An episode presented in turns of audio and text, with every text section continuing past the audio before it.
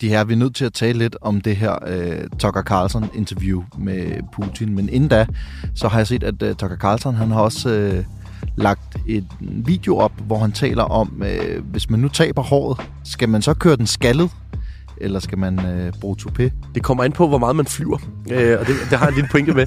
Fordi det, det tidspunkt, man bliver afsløret i at gå med toupé, det er jo altid, når man skal i rundellen ud mod flyveren, for der er altid blæst lige, når man kommer ud af rundellen der, når øh, flyverens propel står og blæser.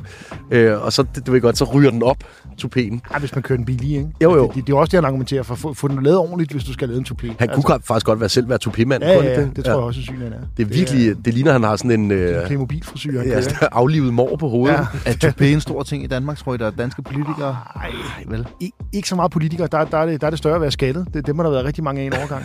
øh, det, det, det vil ligne sådan en øh, afdeling af kemo, øh, kemobehandling inde på riget eller et eller andet til tider. Ikke? Øh, men øh, så, så nej, øh, i udlandet er det jo meget, meget stort blandt politikere. Altså, der er jo mange steder i verden, hvor man simpelthen ikke kan blive politiker, hvis man er skaldet. Altså, og der er vi lidt anderledes i Danmark. Vi er lidt mere tolerant over for skaldede mennesker. Ja, øh, ja, ja altså de konservative har haft en leder længe, der render rundt og ligner en ja.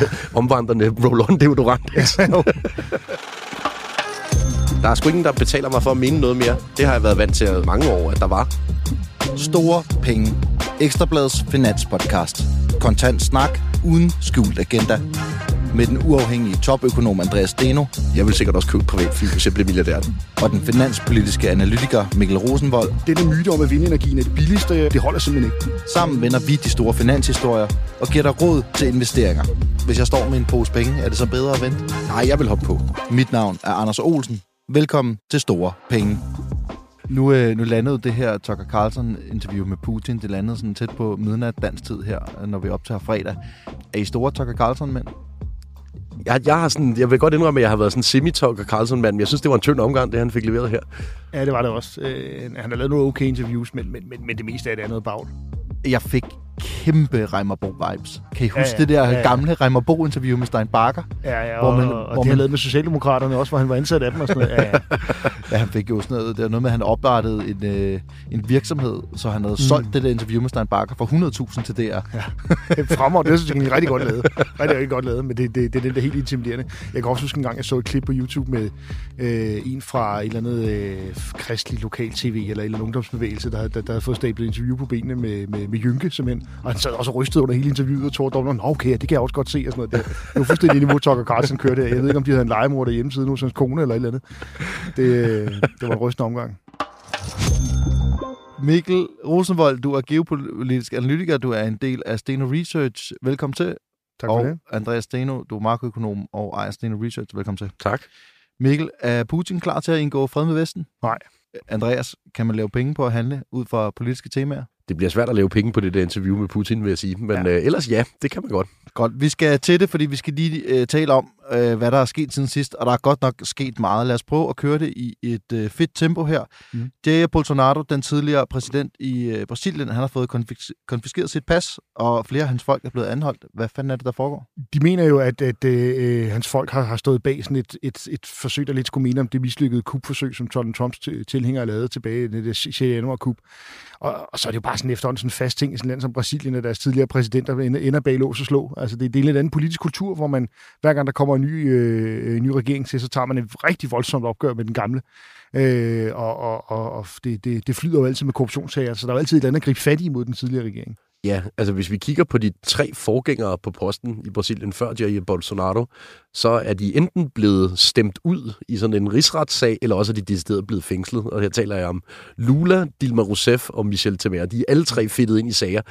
Øh, det er bare Brasilien i en nødskal, det her.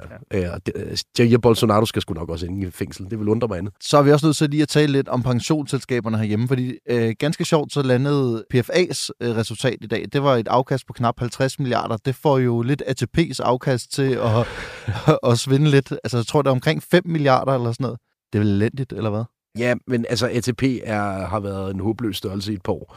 Øh, de har været i søgelyset på grund af sådan en uhensigtsmæssig måde, de investerer på, der gør, at... De giver, ikke? Jo, de giver, og det betyder, at hvis de begynder at tage penge, så bliver de nødt til at bruge nogle af deres faktisk gode investeringer øh, til ligesom at redde øh, de, de, de tab, de har over i den gearede kasse der. Det var blandt andet derfor, de øh, solgte ud af Novo, inden ja. det begyndte at tage fart. De har virkelig solgt ud af Novo. Øh, jeg plejer ellers at sige, at alle danskere ejer Novo, øh, fordi man har gjort det igennem ATP, men de har faktisk ikke specielt stort ejerskab tilbage.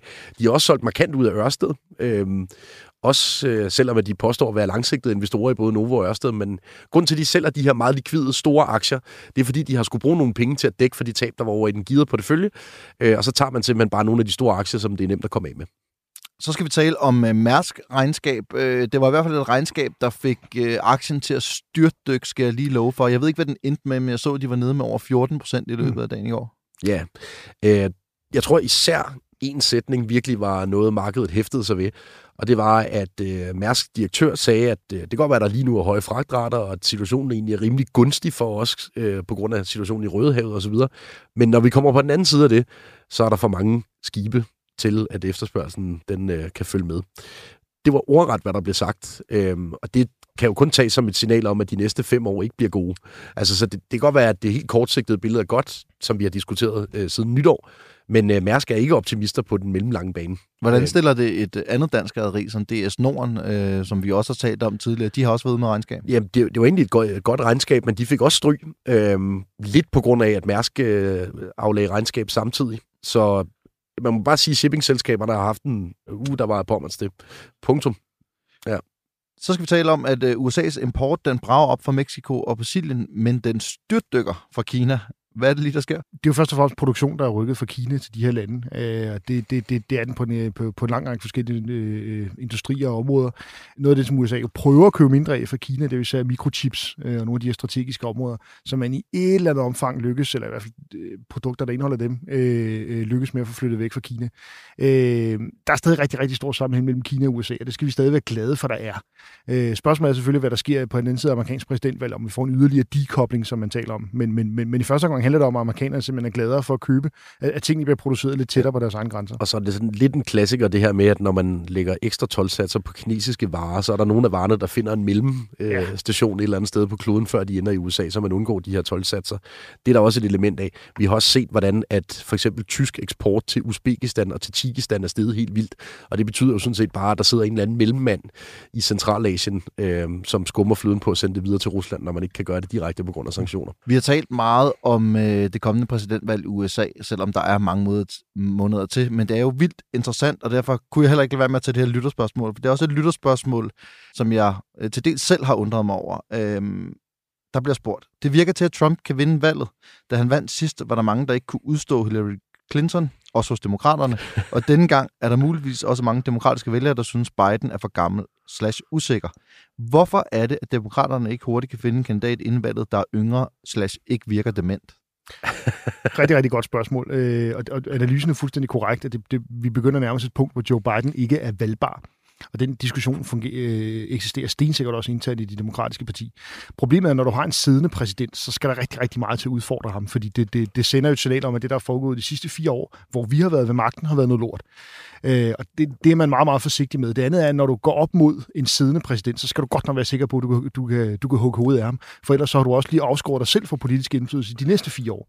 Øh, et af de eneste eksempler, vi har på det, det var dengang Lyndon B. Johnson, der blev præsident efter, at John F. Kennedy blev skudt. Han skulle stille op til sin anden periode, og så kom John F. Kennedys bror og, og, og, og væltede ham med pinden, fordi han var sikker på, at han kunne slå ham. Han nåede så også at blive skudt. Det er en længere historie. Øh, så, så, så grunden er simpelthen, at man skal være helt sikker på, at man kan hugge hovedet af ham. Og det allerbedste er jo, at Joe Biden selv går ud og melder på et tidspunkt, det går simpelthen ikke mere, jeg kan ikke stille op, øh, eventuelt presset. Der har været nogle lejligheder til det. Det ene var selvfølgelig før hele den her primærkampagne startede, kunne han have været gået ud og sagt det, så man kunne have fået en reel primærkampagne, hvor, hvor der kunne have været forskellige kandidater og debatter. Det valgte han ikke at gøre, dermed bliver det en, øh, en, en ikke-ting, altså der er ikke rigtig nogen valgkampagne. Den næste mulighed, der er, det, det, det, det, det, det demokratiske konvent til sommer, hvor han sådan formelt set skal vælges. Øh, I gamle dage var det sådan, at, at man havde alle de her primærvalg, og så så man, hvad der skete på konventet, hvor der kunne ske, pludselig kunne være en helt anden, der blev valgt. Derfor kan det sagtens være, at selvom han har fået alle, vundet alle de her primærvalg, at han så til sommer siger, jeg vil simpelthen ikke stille op alligevel, og så skal det, de delegerede øh, så vælge en anden. Det giver ham i virkeligheden mere kontrol over situationen, det giver establishment i det demokratiske parti mere kontrol over situationen, så, og jeg tror faktisk ikke, det er så urealistisk.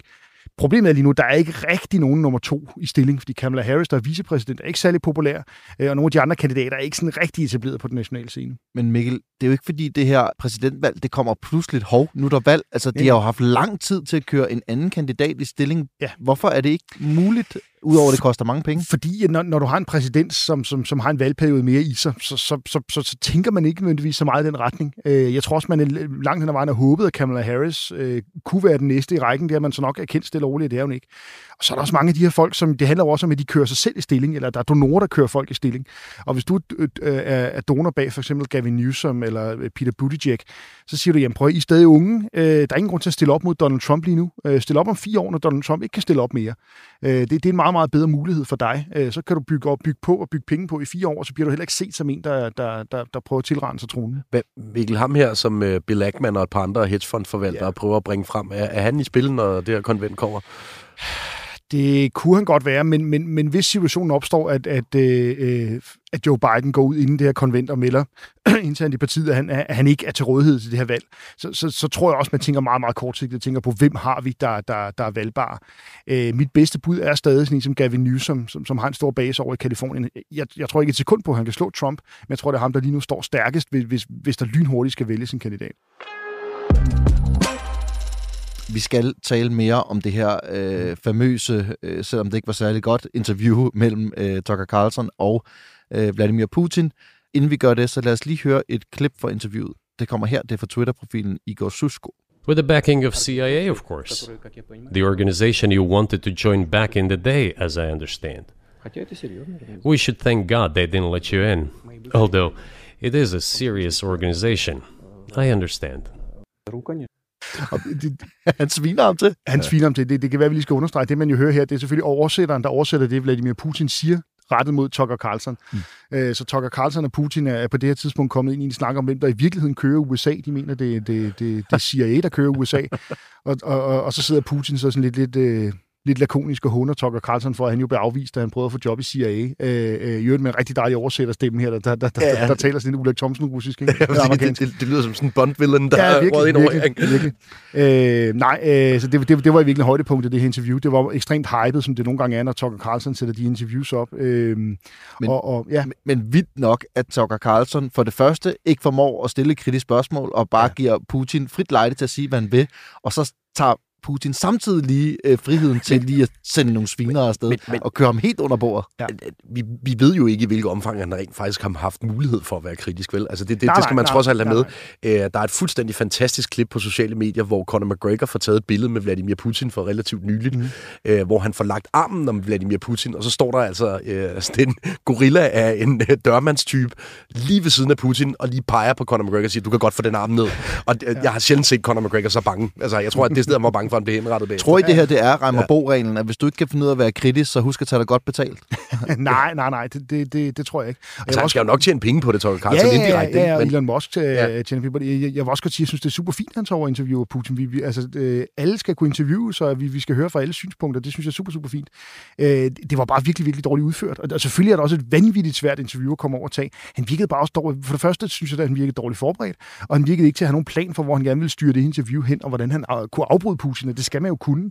Altså hele interviewet starter med, at han spørger Putin lidt til baggrunden for, for Ukrainekrigen, og så, og så begiver Putin sig ud i en 30 minutters historieforelæsning om russisk historie tilbage fra øh, øh, øh Rurik, der grundlagde landet, og Fyrst Jaroslav i tusindtallet. Det var en fuldstændig vanvittig rant, han kørte en halv time, der, der, der, der, øh, der slutter af med en eller anden en underlig øh, esoterisk øh, øh, konklusion om, at det var Polen, der startede 2. verdenskrig. Og sådan det, det var fuldstændig vanvittigt at høre på en halv time. Var fuldstændig irrelevant for interviewet. Altså, så stop dog manden undervejs, og men, det, det formodede han overhovedet ikke. Men ligesom, Mikkel, lige, lige, lige præcis som du stopper mig her nu. Men Mikkel, du, øh, du har jo også skrevet en øh, klumme om det i Ekstrabladet, ja. øh, og det du sådan øh, grundlæggende siger, det er, der er jo heller ikke 0% chance for, at der er siddet en legemorder hjemme hos Tucker Carlsons kone. det, det virkede i hvert fald lidt sådan, synes jeg, til tider, som om Tucker Carlson var meget, meget bange for at få sagt det forkerte. Og det kan jeg måske også godt forstå, når du kommer ind i Kreml, du er gået igennem fire meter og høje gulddøre, og der er bevæbnet folk overalt.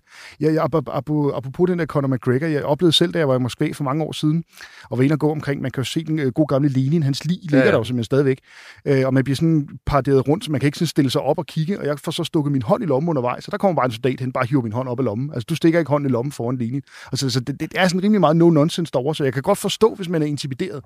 Men, men, men når han selv bringer sig op på det her verdensniveau, øh, så synes jeg også godt, man kan være lidt kritisk over for måden, han, han, han udfører sådan men, men, øh, sidst jeg var i Moskva, der var jeg der på, øh, på paradedagen for det, de kalder Fæderlandskrigen, som selvfølgelig er 2. verdenskrig, set fra deres perspektiv i Rusland, hvor de kører militærparader. Og der er så en, øh, en familiefar, der er blevet fanget på den ene side af vejen, med selvfølgelig med bander på, på begge sider af vejen, inden den her militærparade kører over. Så han ser så sin familie på den anden side af vejen, øh, helt tydelig vesterlænding ham her, prøver lige at hoppe over banden for at komme over til sin familie, hvorefter der bare kommer en hollændervogn op og hælder ham ind bag bilen og kører ham væk direkte foran hans børn. Ikke? Ja. Og der var egentlig ikke, altså, der var ikke rigtig nogen grund til, at man skulle anholde manden der, vil jeg sige. Men det blev han. No nonsense ja. derovre. Det gider de bare ikke. Hvis vi nu skærer alt det bullshit fra, så ja. historieoplæsning, som Putin kom med, hvad var så det, vi kan tage med? Hvad var beskeden til Vesten? Altså, jeg var overrasket over, at der ikke lå flere beskeder til Vesten. Der var sådan lidt småting med, at han gerne ville udveksle nogle journalister med en russisk fanger. Sådan lidt. Jeg, jeg havde egentlig troet, at Putin ville forsøge at skabe et reelt narrativ, som man kunne tro på her i Vesten, omkring hvorfor Putin er en god part i den her krig. Det synes jeg, han mislykkes fuldstændig med. Og, og, og jeg hørte heller ikke fra 11 år sådan udstrakt hånd til, at nu skal vi have fredsforhandlinger, nu skal vi finde hinanden og samarbejde igen. Tværtimod, jeg hører en mand, som, som øh, det, det, det eneste spørgsmål, det eneste, jeg er usikker på for ham, det er, om han hader polakker eller amerikanere mest. Altså, for han hader inderligt polakker så meget, at det, det, det påvirker hele hans verdenssyn og hele, den her, øh, hele det her interview. Så, så, så det, jeg synes overhovedet ikke, det var noget forsonende interview. Jeg synes heller ikke, han lykkes med at komme igennem med nogle ting, som man kan tage med sig i, i USA. Altså, det var en virkelig, virkelig underlig omgang. Hvordan øh, ser Ruslands økonomiske situation egentlig ud lige nu? Den er lidt to del. Øh, olieprisen er stadig på et okay niveau, øh, hvilket er altafgørende for, for, for de offentlige finanser i Rusland. Øh, der kommer løbende rapporter ud om, at det russiske øh, bruttonationalprodukt stiger, men det skyldes jo altså, at man har, taget, man har lånt en hulens masse penge og bare bygger kampvogne og våben og, og, og missiler for pengene.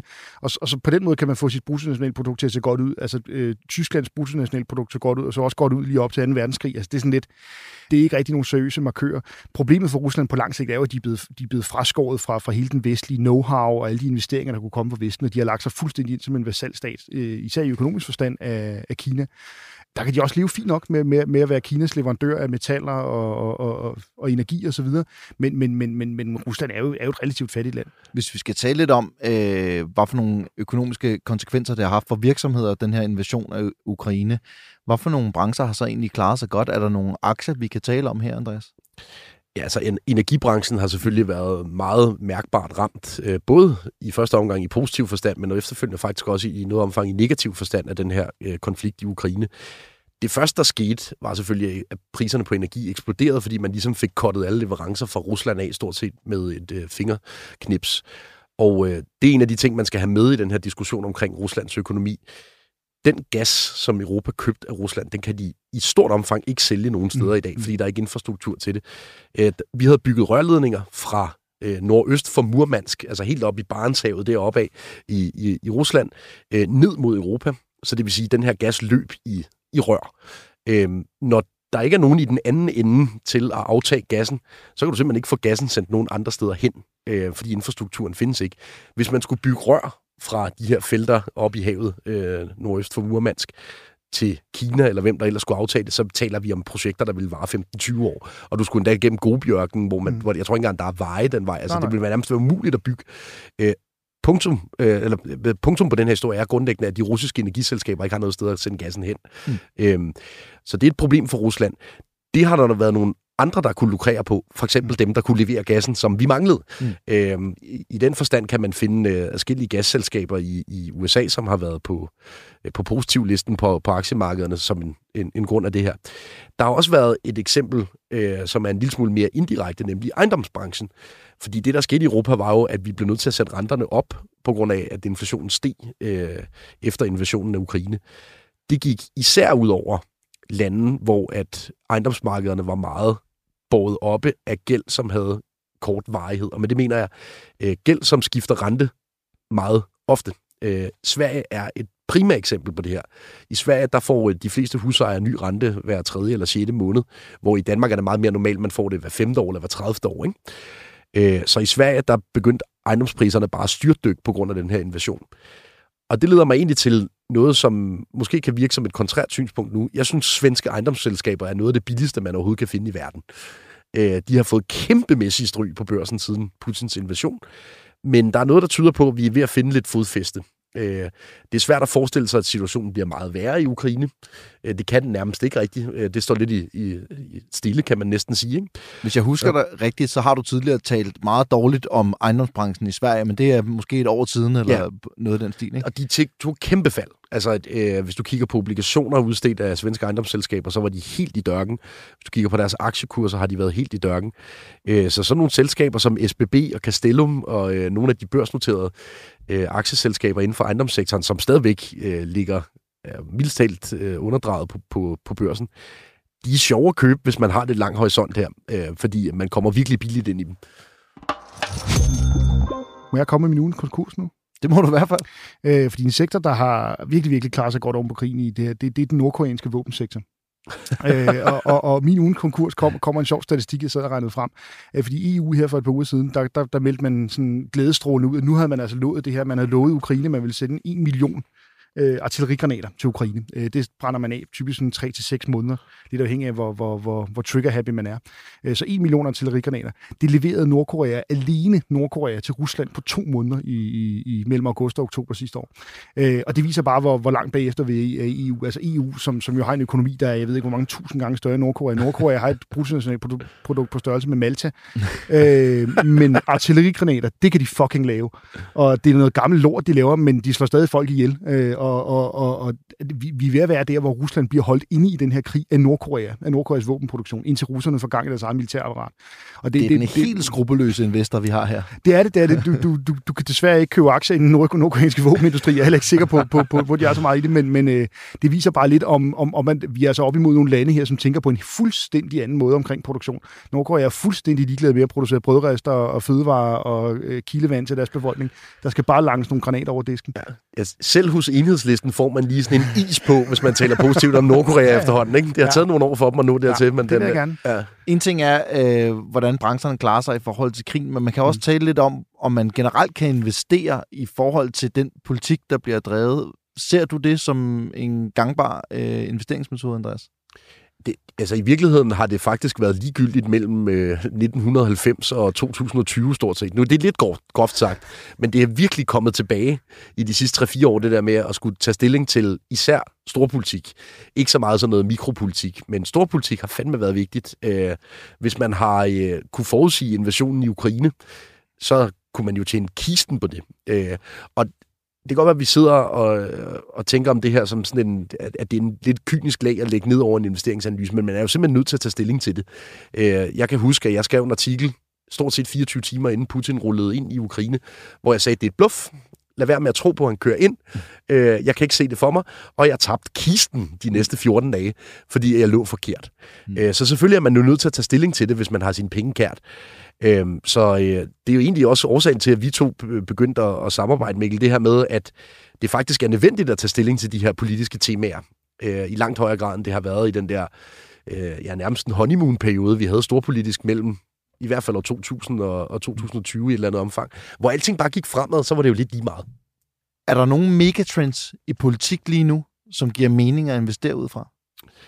Det, det synes jeg i høj grad, der er. Altså, vi har talt om forsvarsindustrien som et eksempel på det, øh, hvor at øh, min øh, darling Rheinmetall har klaret sig fantastisk på børsen i Tyskland, som et resultat af, at de omkringliggende lande omkring Tyskland, de er blevet nødt til at opruste øh, som en konsekvens af, af krigen i Ukraine. Øh, vi diskuterede også, hvorvidt at det er etisk forsvarligt at købe ind i regnmetal.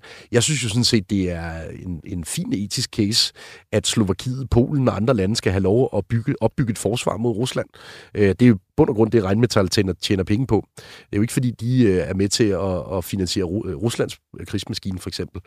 Så, øh, så det er jo et super eksempel, øh, at oprustning i Europa er er i gang, og den kan muligvis endda accelerere, hvis Donald Trump bliver valgt som præsident. Øh, det er i hvert fald et realistisk scenarie, at Europa bliver nødt til at hoste op øh, endnu mere, end hvad de allerede har gjort omkring forsvarsindustrien.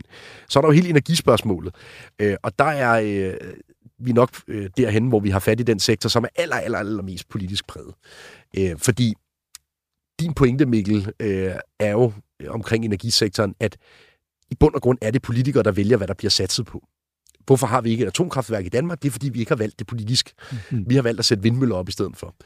Øh, så der er man virkelig nødt til at opsnuse, hvor politikerne er på vej henad, øh, for at ramme de tendenser, som øh, man kan tjene penge på i markedet. Og der må man sige, at dem, der havde opsnuset, at vi var på vej i retning af en form for uvending på atomkraftsområdet i 23, har virkelig tjent penge, og det er jo fortsat ind i 24. Der har vi været heldige at være på den rigtige side af den trend. og lige nu virker det stadigvæk som om, at det er den vej, vinden blæser, vil jeg sige. Øhm, væk, fra, væk fra vind hen mod atomkraft. Hvad med medicinalindustrien? Kan man tale om, at den bliver båret af politiske vind? Ja, men, men øh, i virkeligheden synes jeg faktisk, at den største risiko for medicinalsektoren, det er, at politikerne intervenerer og sætter prislofter mm. på. Øh, jeg ved, der har været en masse diskussioner i den her uge om, omkring Eli Lilly i USA, som har øh, tabt en retssag, så vidt jeg husker, ikke? omkring deres insulinprodukt. Har indgået forlig. Indgået forlig omkring deres insulinprodukt, øh, hvilket er, er et eksempel på, at priser på livsnødvendig medicin kan blive politiske temaer. Mm. Øh, og der er, der rammer vi igen et, et potentielt valgtema, for Donald Trump har været meget åbenmundet omkring det her med prislofter på medicin øh, tidligere i, i, i sin karriere. Øh, og jeg kunne godt forestille mig, at Novo Nordisk endda ved navns nævnelse kunne blive sådan et mindre valgtema øh, i USA, fordi Novo Nordisk er blevet eksempel sammen med Eli Lilly på både fedmesiden og insulinsiden. Og fordi øh, det er så stort et tema i USA, fordi men, der er så mange, der bruger insulin. Men, men øh, nu kan jeg ikke huske tallene i hovedet, men Region Hovedstaden kom med nogle tal for, hvor meget deres omkostninger til medicin var steget på grund af øh, Vegovia og Ozempic. Øh, det er jo rystende, altså hvor meget ja. af budgettet, som bare lige i løbet af et kvartal mm. bliver tilsidesat til det. Øh, og, og når det sker, det er jo ikke nødvendigvis noget, politikere har kontrol over, fordi det, der er jo sådan en helt klassisk proces omkring recepter, og så bliver der bare givet noget tilskud, og så sker det jo bare. Øh, så sidder man lige pludselig med et budget, som er, er løbet af sted i den ene retning, og så er man jo nødt til at tage nogle beslutninger om, hvem skal vi så ikke bruge penge på, mm. som en konsekvens af det her. Øh, og det er virkelig sådan en klassisk diskussion i, i, i det her med farmaindustrien. Hvem er det, vi vælger politisk at bruge penge på? Fordi man kan ikke vælge at købe alle medicinske præparater øh, til uendelighed. Nu har vi hørt uh, Mikkels konkurs for i dag. Vi skal også have din, Andreas. Uh, jamen, jeg, jeg har egentlig to kandidater, fordi vi havde talt lidt om på forhånd, Mikkel, at vi skulle uddele konkursen til de der høvdingecykelhjelme. Det, det er en meget konkret konkurs. De er ikke ja, gået ned hjem. Mere eller mindre i hvert fald, ja. Uh, det er jo et eller andet med, at de også skal stoppe med at sælge den ene version af deres cykelhjelme ja, i Danmark nu. Fint. Øh, jeg har altid hadet den øh, cykelhjelm, hvis man overhovedet altså, kan kalde det det. Der puster, der puster sig selv op, ikke? Ja, ja det gør de jo så ja. åbenbart ikke, når nej, man har brug for nej, dem. Det, det er jo det. i hvert fald det, der er problemet. Ja. Øh, Altså, for mig at se, var det sådan, det, det var sådan en mellemlederversion af at have en, ja. sådan lidt trendy mellemlederversion af at have en cykelhjelm på. Lad nu være med at køre med cykelhjelm eller høvdinghjelm. Præcis. Altså, jeg er meget imod cykelhjelm. Ja, det er virkelig også. Lad være. Altså, det, ja. det ser frygteligt ud. Øh, og når du får børn, så put en cykelhjelm på dit barn, og lad være med at køre med cykelhjelm ja. selv. Lad være med at være en rollemodel. Ja, og så sig til dit barn, det er mig, der bestemmer det. Motionscyklister måske, hvis du er ude på sådan en racercykel og sådan noget, der er det ligesom en del af outfittet, men hvis du kører rundt ind omkring søerne i København, så lad være med at falde. Altså, du bliver jo, du bliver jo Folk kører jo altså. fuldstændig sindssygt på de københavnske cykelstier. De kører sådan noget 40 km i timen. Det, det du bare, du skal holde øje med to ting, hvis du kører på cykelstier i København. Øh, du skal for det første holde øje med de der øh, elektrificerede ladecykler, øh, der kommer som en af en kampvogn. Og så skal du, så, der, så reglen, er jo, reglen er jo, når du kører i København, der er jo ikke nogen problemer. Du skal bare holde øje med de der green mobility-biler. For det er folk, der ikke kører normalt, så de kan slet ikke finde ud af at køre København. Det er ofte jyder, der er flyttet over. Ja. Dem, dem skal du altid være varsom med. Altid være varsom. Ekstra øjenkontakt, hold igen. Øh, når de er vejen, så kan du bare køre. Det er Ingen problemer. Ja. Øh, så skal vi også lige slutte af med ugen champagne. Hvem skal have den i dag? Den får du lov at give, Mikkel. Ja, øh, jeg fik en reklame for Danske Bank. Jeg er åbenbart øh, i målgruppen for deres private banking segment, som jo er det her banklag, man kommer op i, hvis man har lidt flere penge. Det, det, var, det, det kom til at lyde som humble brag. Det var ikke meningen. Jeg har bare fået reklame for det. Og de, de fortæller så nu, at de har indgået et, øh, et partnerskab, tror jeg, de kalder det, med, med, med to nye leverandører, der vil levere analyser og contents, hvis du er private banking-kunde. Du får lidt adgang til deres verden. Og de to selskaber, de så har valgt at indlede samarbejde med, det er BlackRock, som vi kan huske fra nogle forskellige byggesager herhjemme, og så Goldman Sachs. Altså, det, det, det bliver ikke meget mere nu. Nu ved jeg godt, at jeg selv sidder og, og, pusset Nordkorea frem tidligere, men det, det, det bliver ikke meget mere ondskabens aktie end, end, øh, end sådan to selskaber. Men omvendt også Giver lidt det mening? fedt. Omvendt også lidt fedt. Jeg synes det er meget fedt. Jeg vil da godt høre, hvad Goldman Sachs har at sige om tingene. De, de, de, de har da hånden på kogepladen og ved, hvad det drejer sig om. Så, øh, det synes jeg. Ja, vi skal lige med det Blackstone, der var kendt på, på, på boligmarkedet. Du skal bare lige det, det her BlackRock, de ja, har nærmest samme navn. Det det Men BlackRock er verdens største øh, ja, leverandør af, af sådan noget asset management løsninger. Ja. De er kæmpe, kæmpemæssigt store. Øh, men ja, vi er, vi, vi er tæt på noget, som øh, ligner imperiet i, øh, ja. i Star Wars her, med de tre samlet. Øh, tillykke til dem. Det, det, mm. det, det, er virkelig, det eneste, man ved med det her samarbejde, det er, at det bliver dyrt. Ja, det er for kunderne, ja. vel at mærke. Det er jo også godt i sig ja. selv nogle gange. Ja. Jamen, det, det er jo en, en fin pointe. Altså, øh, lige med finansprodukter, der er jeg måske lidt i tvivl om, det altid giver mening at vælge det dyreste. Men, men når jeg står nede i supermarkedet, og jeg kan vælge mellem en billig tomatsauce og en dyr tomatsauce, uden at jeg har forstand på, hvad forskellen er, så tager jeg da altid den dyre. Og når vi taler om, øh, at det er dyrt at være danske bankkunde, så er jeg også lidt skud ud til Mads Nygaard, som øh, lavede et øh, opslag øh, på Facebook. Det synes jeg er fuldstændig absurd, men også øh, vild, vild linje at køre for Danske Bank. Hvis du simpelthen er blandt de fattigste og har den laveste basispakke hos Danske Bank, så koster det 1000 kroner for et møde. Ja. Sådan. Så ja, han, han bad om et møde for at få hjælp til at udrede sin økonomi, ja. hvor, fordi han sagde, at han var i problemer, hvorefter de tager penge for det. Det er rigtig godt. Jeg har været inde og se ja. på deres blad, se, og den står der bare sort på hvidt. 1000 kroner for budgetmøde, hvis du er fattig kunde. Det er virkelig noget svineri. Men, det må men, man, det må man godt lov det, det, det, øh, lever dog ikke op til det, jeg vil kalde dealerreglen, det her, vel? Altså, hvis de virkelig havde været rutineret Danske Bank, så havde de jo givet den første stofprøve gratis, ikke? Ja, ja. Det får efter det så kostede 1000 kroner ja. at møde op næste gang for at få reddet tingene ud, ikke? Det, øhm, så det, det glemte de. de. De skulle lige have givet ham det første gram kokain her. Det ja. gjorde de ikke. Det første kviklån er altid rentefrit, ikke? Det er ja, præcis. Ja.